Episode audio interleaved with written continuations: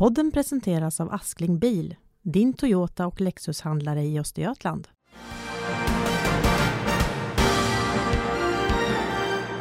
Välkomna både nya och gamla lyssnare till Korrens nyhetspodd med mig, Julia Järv. Den här nyhetsveckan har färgats starkt av rapporteringen kring åtalet mot den 37-årige Daniel Nyqvist som alltså misstänks för mord i två fall. Dubbelmordet på Åsgatan i Linköping 2004. Polisutredningen är Sveriges näst största efter Palmemordet men det ser nu ut att få sin lösning efter 16 år.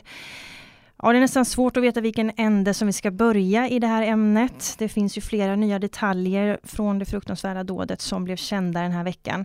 Vissa mer omtumlande än andra kanske. Men till min hjälp för att bringa klarhet har jag här vid min sida Korrens kriminalreporter Fredrik Kvist. Välkommen! Mm, tackar!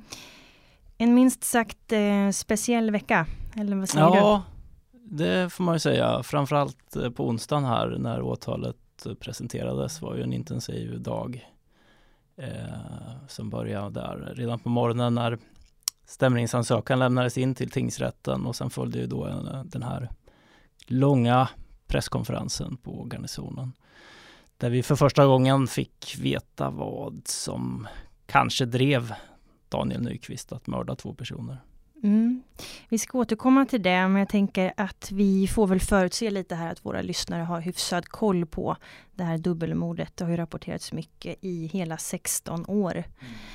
Vi har tidigare berättat i vår podd via dig också hur släktforskningsteknik ledde fram till en DNA-träff som sedan eh, kopplades ihop med nu den misstänkta Daniel Nyqvist så att han greps och häktades i början av sommaren, juni. Just det, han greps 9 juni. Mm. Och han har också erkänt de här dåden. Ja, och det gjorde han eh, nästan omgående. I, eh, I princip det andra förhöret så mm. erkände han att han var gärningsmannen. Vilket i sig är ovanligt. Eh, en misstänkt mördare brukar neka. Nästan som att han väntat på att det skulle komma någon gång. Ja, eller att det här är ingen garvad kriminell så att säga som vet hur saker och ting fungerar utan han, han säger sanningen. Han pratar ärligt är min uppfattning i förhör mm. som jag har läst nu. Mm. Och det var också uppfattning nu från eh, Jan Staff och eh, Henry Jansén på mm. presskonferensen också att han svarar på frågor. Ja. Sanningsenligt. Och de få gånger han inte gör det så korrigerar han sig och eh, eh berättar så småningom hur det låg till. Just det. Kanske kan återkomma till. Mm.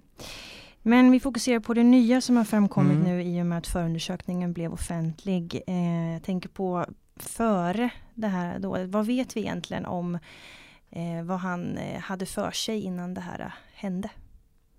Ja, så eh, Daniel Nyqvist eh, var nog en tämligen vanlig ung man fram till gymnasieåldern. Någonting hände där, berättar hans barndomsvänner i förhör.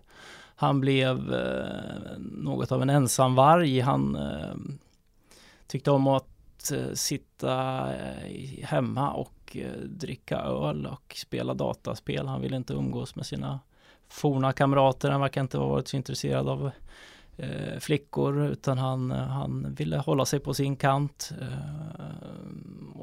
det ledde nog till att han blev ännu mer isolerad. Hans vänner så att säga bröt mer eller mindre med honom fick jag intrycket av när jag läst förhören. Mm.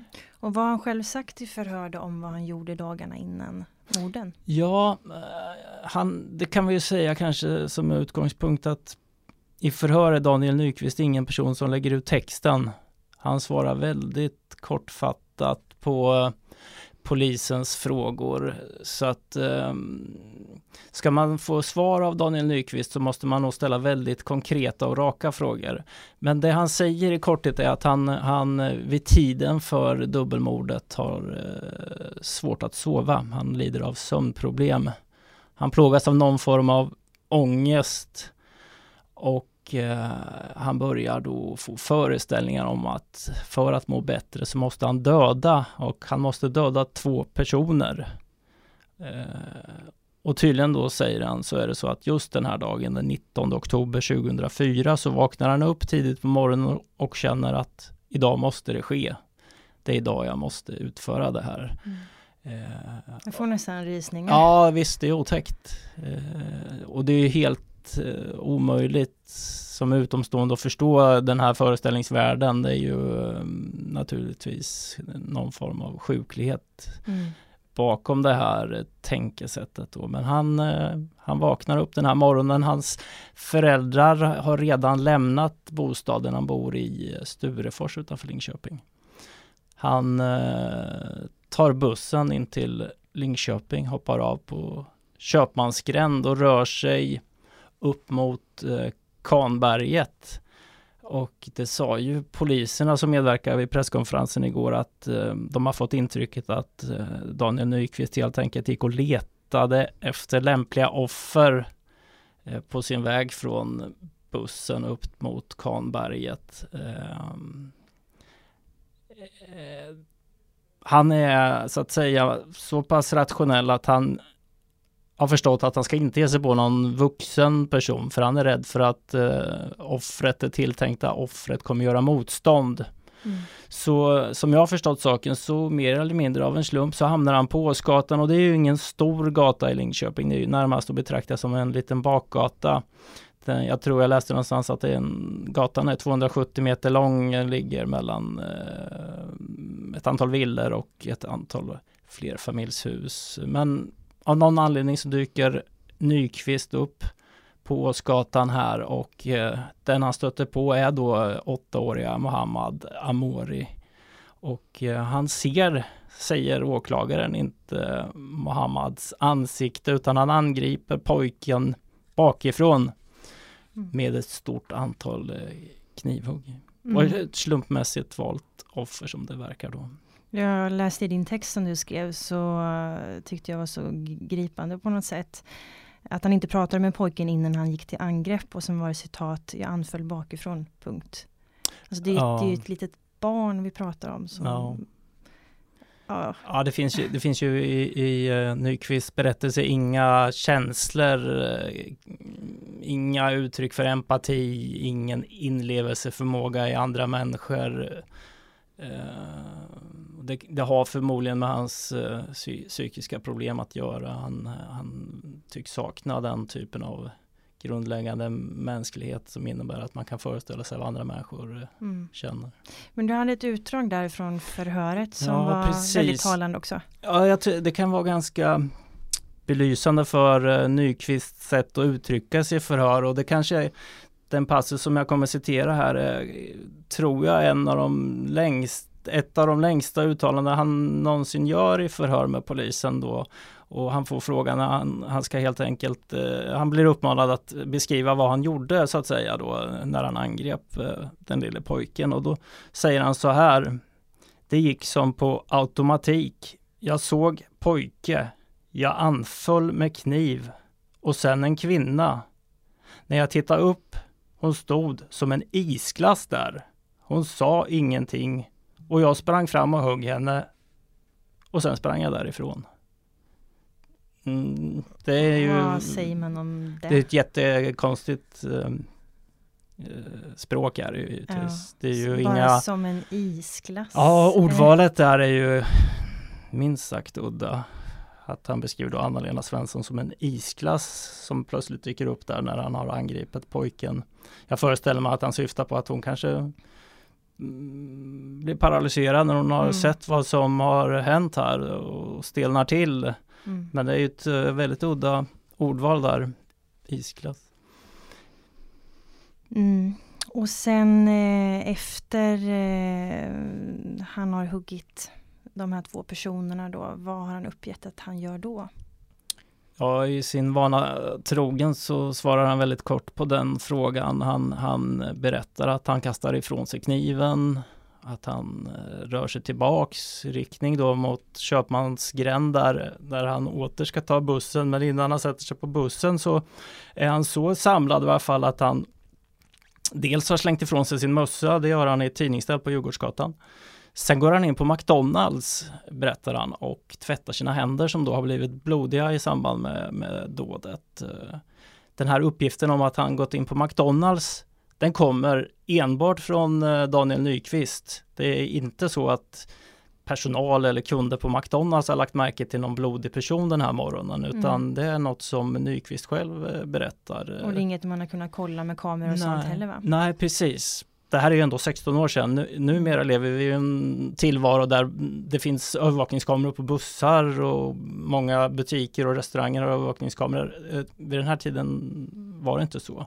Så Mm. polisen har inte kunnat eh, belägga detta påstående. Men, men jag har fått intrycket av att de inte heller ifrågasätter det. För det ju, Mm. verkar ju inte vara Nyqvist stil att hitta på saker. Det är ju inte någon som sitter och drar skrönor i förhör. Tvärtom, han säger väldigt få saker. Men det han säger verkar ju stämma. För, för vissa saker har polisen Mm. givetvis Mm. kunnat kontrollera. Men så han har gjort det här fruktansvärda dådet och sen så slänger han lite orationellt grejerna ifrån sig. Eh, går och tvättar händerna inne i stan. Eh, Ja. Tar bussen hem Ja, och sen fortsätter att leva som vanligt. precis. Hans föräldrar då som redan hade lämnat hemmet på morgonen där. De befinner sig enligt, eh, enligt Daniel Nyqvist på jobbet när han kommer hem. Och säger Nyqvist, han, han har inte under alla dessa år berättat för någon enda människa vad han har gjort. Han har inte anförtrott sig till någon, han har inte sökt hjä- hjälp eller så, utan han har hållit det här inom sig. Eh, Men kan det verkligen vara så undrar man? Alltså finns, kan, kan man funka på det sättet att man Alltså, inte normal vill människa- eller kan berätta? En normal En människa klarar sannolikt inte det utan att eh, bli eh, Knäpp. knäpp, eller hur? Ja. Eh, men en- den bild jag har fått av Daniel Nyqvist så kan det säkert stämma. Det här är ju en person som eh, har levt ett ensamt liv. Han har inte haft några vänner. Han umgås knappt med sina närmaste anhöriga. Han kanske träffar sin, si, sitt syskon en till två gånger om året i samband med någon högtid. Ehm, Mm. Daniel Inte många Nyqvist eh, vill inte umgås. kontakter. Han tycker inte om att vistas bland människor. Utan det han har gjort under alla dessa år är ju att han har i princip suttit i sin lägenhet eh, när han väl flyttat till en lägenhet. Vid tiden för dådet bodde han ju hemma. Men senare flyttade han till en lägenhet i Johannelund. Och där har han nog mer eller mindre suttit eh, större delen av dygnen. eh, Spelat dataspel och sen har han lämnat hemmet för att handla och då har han företrädesvis köpt folköl. Han har ju berättat i frivården eh, att han dricker eller har druckit eh, 12 folköl om dagen. Det är en ganska ansenlig mängd och Mm. alkoholen har antagligen fungerat som någon sorts eh, Trubbat av lite, medicin. Ja, precis. Ja. Sätt att uthärda. Men jag hade, minns jag fel om vi inte hade någon artikel för, jag vet inte om det var flera år sedan kanske, att polisen trodde att det finns fler personer här i Linköping som kan veta vem den misstänkte mördaren är. Precis, vi har haft åtskilliga artiklar på det temat och polisen har vid flera tillfällen vädjat. eh, Känn, träd fram du som vet någonting. Men det kan ju också förklara att det tog 16 år innan vi hittade, innan, innan polisen hittade gärningsmannen. Det här är ju ingen lättfångad person. Eh, han har sannolikt inte begått några som helst brott efter det här dådet. Inga brott före dådet. Han eh, har levt isolerat i sitt hem. Inga sociala kontakter. Det är ju nästan en mardröm för polisen att hitta en sån här gärningsman. Ja, samtidigt låter det också helt sjukt att man har kunnat sitta och leva på som vanligt under så lång tid. Ja. Alltså det är ju liksom, Ja, man förstår ju inte att hur kan ingen ha misstänkt någonting tidigare. ja. Men, eh, Alltså Daniel Nyqvists eh, närmaste släktingar tänker jag på. De har ju känt till att han har en diagnos. En psykiatrisk diagnos som innebär att han har de här sociala problemen. Så att det i sig är ju kanske inte så konstigt och att man, man får acceptera eh, att en person kan ha ett funktionshinder som yttrar sig på det här sättet. mm, Eh, och inga, inga vänner som slår larm. Eh, förrän faktiskt då i januari det just var ju det. faktiskt så att en, en barndomskamrat då i början av januari ringer, eh, kontaktar polisen och säger att jag tycker ni bör kolla upp den här Daniel Nyqvist. Han, eh, han var, har varit eh, fascinerad av knivar och han brukar gå omkring i en sotarmössa. Eh, Det har ju polisen vetat från dag ett att gärningsmannen hade en mörk sotarmössa Mm. av märke Pointer. Märklig slump, för bara några månader senare så löser ju polisen det här med hjälp av en helt annan metod, den här eh, intressanta DNA. Men då när de fick det tipset så visste väl inte polisen vilken tyngd det hade. Alltså de hade Nej, fått nej. många Ja, ja. tips genom åren som kanske verkat mer intressanta att titta på. Precis, precis. Det här var nog bara ett tips i mängden. Ja. De har ju fått tusentals tips på intressanta eh, män som skulle kunna vara gärningsmannen. Så det här var nog bara ett vanligt tips i mängden. Men polisen kallar ju eh, Daniel Nyqvist till förhör eh, med baktanken att man då också skulle topsa honom. Han eh, dyker ju inte upp till det här överenskomna mötet. Så sannolikt hade ju polisen fortsatt att kalla Mm. Daniel Nyqvist till förhör om man, hade, om man inte hade hittat honom Mm. på det här andra sättet. Men samtidigt har man väl hört om att, för det är så många som har kallats, så många som har topsats, att det är ju inte alla som dyker upp. Och de behöver inte ha några särskilda skäl till det, utan kanske bara inte haft möjlighet. Eller, Precis. det är inget misstänkt i sig att man bara inte Det, lyckas komma nej exakt, specifik det, tid. det var verkligen inget som stack ut med Nej. att, att, att, att Nyqvist inte kom här utan eh, det, det, det, var nog ganska rutinmässigt så. Eh, och sen ska man ju komma ihåg att det här med att topsa det har hela tiden byggt på frivillighet. Man blir kallad till Mm. förhör och man blir tillfrågad om man vill eh, låta sig topsas. Eh, vill man inte så, så har ju polisen egentligen ingen laglig möjlighet att tvinga personen att, att lämna DNA-prov. För då, det förutsätter ju någon form av beslut eller att det finns en konkret misstanke då. Och det har det inte funnits när man har gjort den här masstopsningen som ungefär runt 6000 Mm. unga män i Linköping har fått utstå under dessa år. Men då kan man också fråga sig vilken eh, mördare låter sig frivilligt topsas då?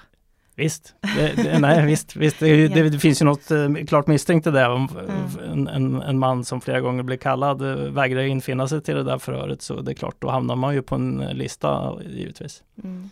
Jag tänkte på, tiden springer iväg lite, Mm. men eh, finns det några detaljer som du inte har förmedlat i din rapportering som du känner till som du skulle kunna avslöja nu? Ja, eh, jag vet inte hur intressant det är men eh, jag har ju nu under den här dagen tittat en hel del i den tekniska utredningen och där finns det ju bland annat ett avsnitt som handlar om när polisen då gör en husrannsakan i, i 37-åringens hem. Han bor alltså på femte våningen i en lägenhet i i Johannelund. Och då finns det bilder på hur det ser ut i Daniel Nyqvists lägenhet.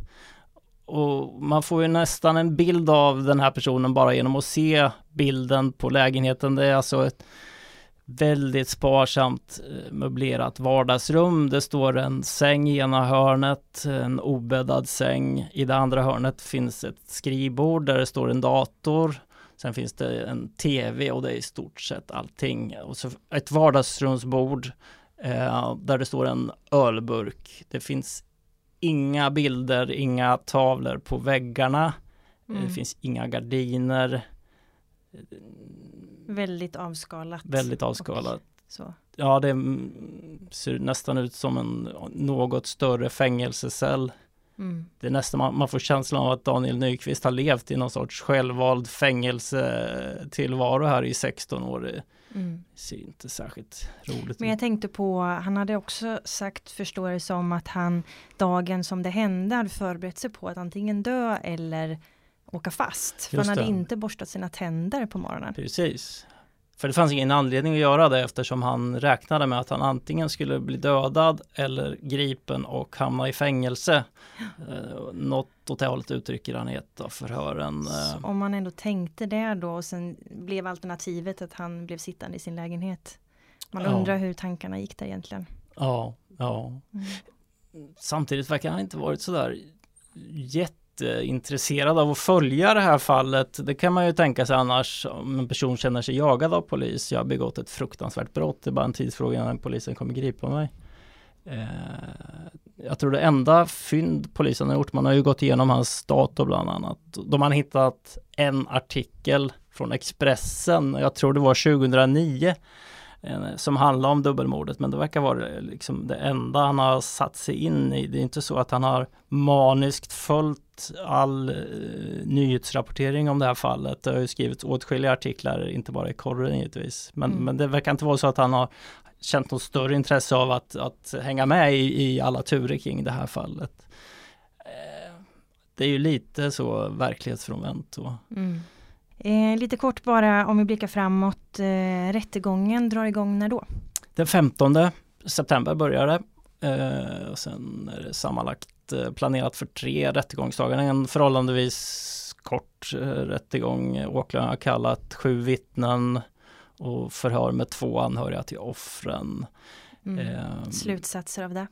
Ja, att eh, åklagaren eh, har ju sån tung bevisning här så att eh, det, det, ur ett juridiskt perspektiv är det här en enkel sak. Eh, man ska inte döma någon som inte är dömd så att säga på förhand men eh, jag ser inte att det finns någon som helst möjlighet att eh, tingsrätten kan komma till något annat slut än att döma honom för två fall av mord och att straffet, påföljden kommer bli rättspsykiatrisk vård. Och jag skulle tro att bli, döms han till rättspsykiatrisk vård så kommer det säkert stanna i Linköpings tingsrätt. Eh, vi pratar ju med advokat Johan Ritzer som försvarar 37-åringen och det lät ju på honom som att det nog inte finns någon anledning att överklaga till Göta hovrätt om det, om det blir så. Mm. Tvärtom verkar det ju vara så att Nyqvist själv inser att han behöver hjälp och vill ha rättspsykiatrisk vård. Ja. Det, kanske är en, en trygghet för honom att få omvårdnad så att säga. Inom mm.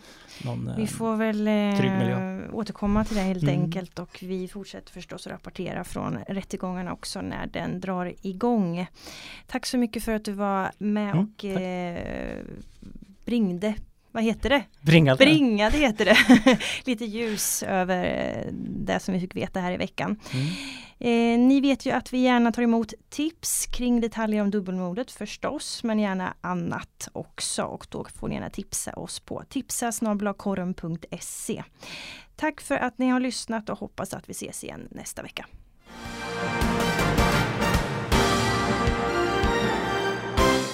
Podden presenteras av Askling Bil din Toyota och Lexus-handlare i Östergötland.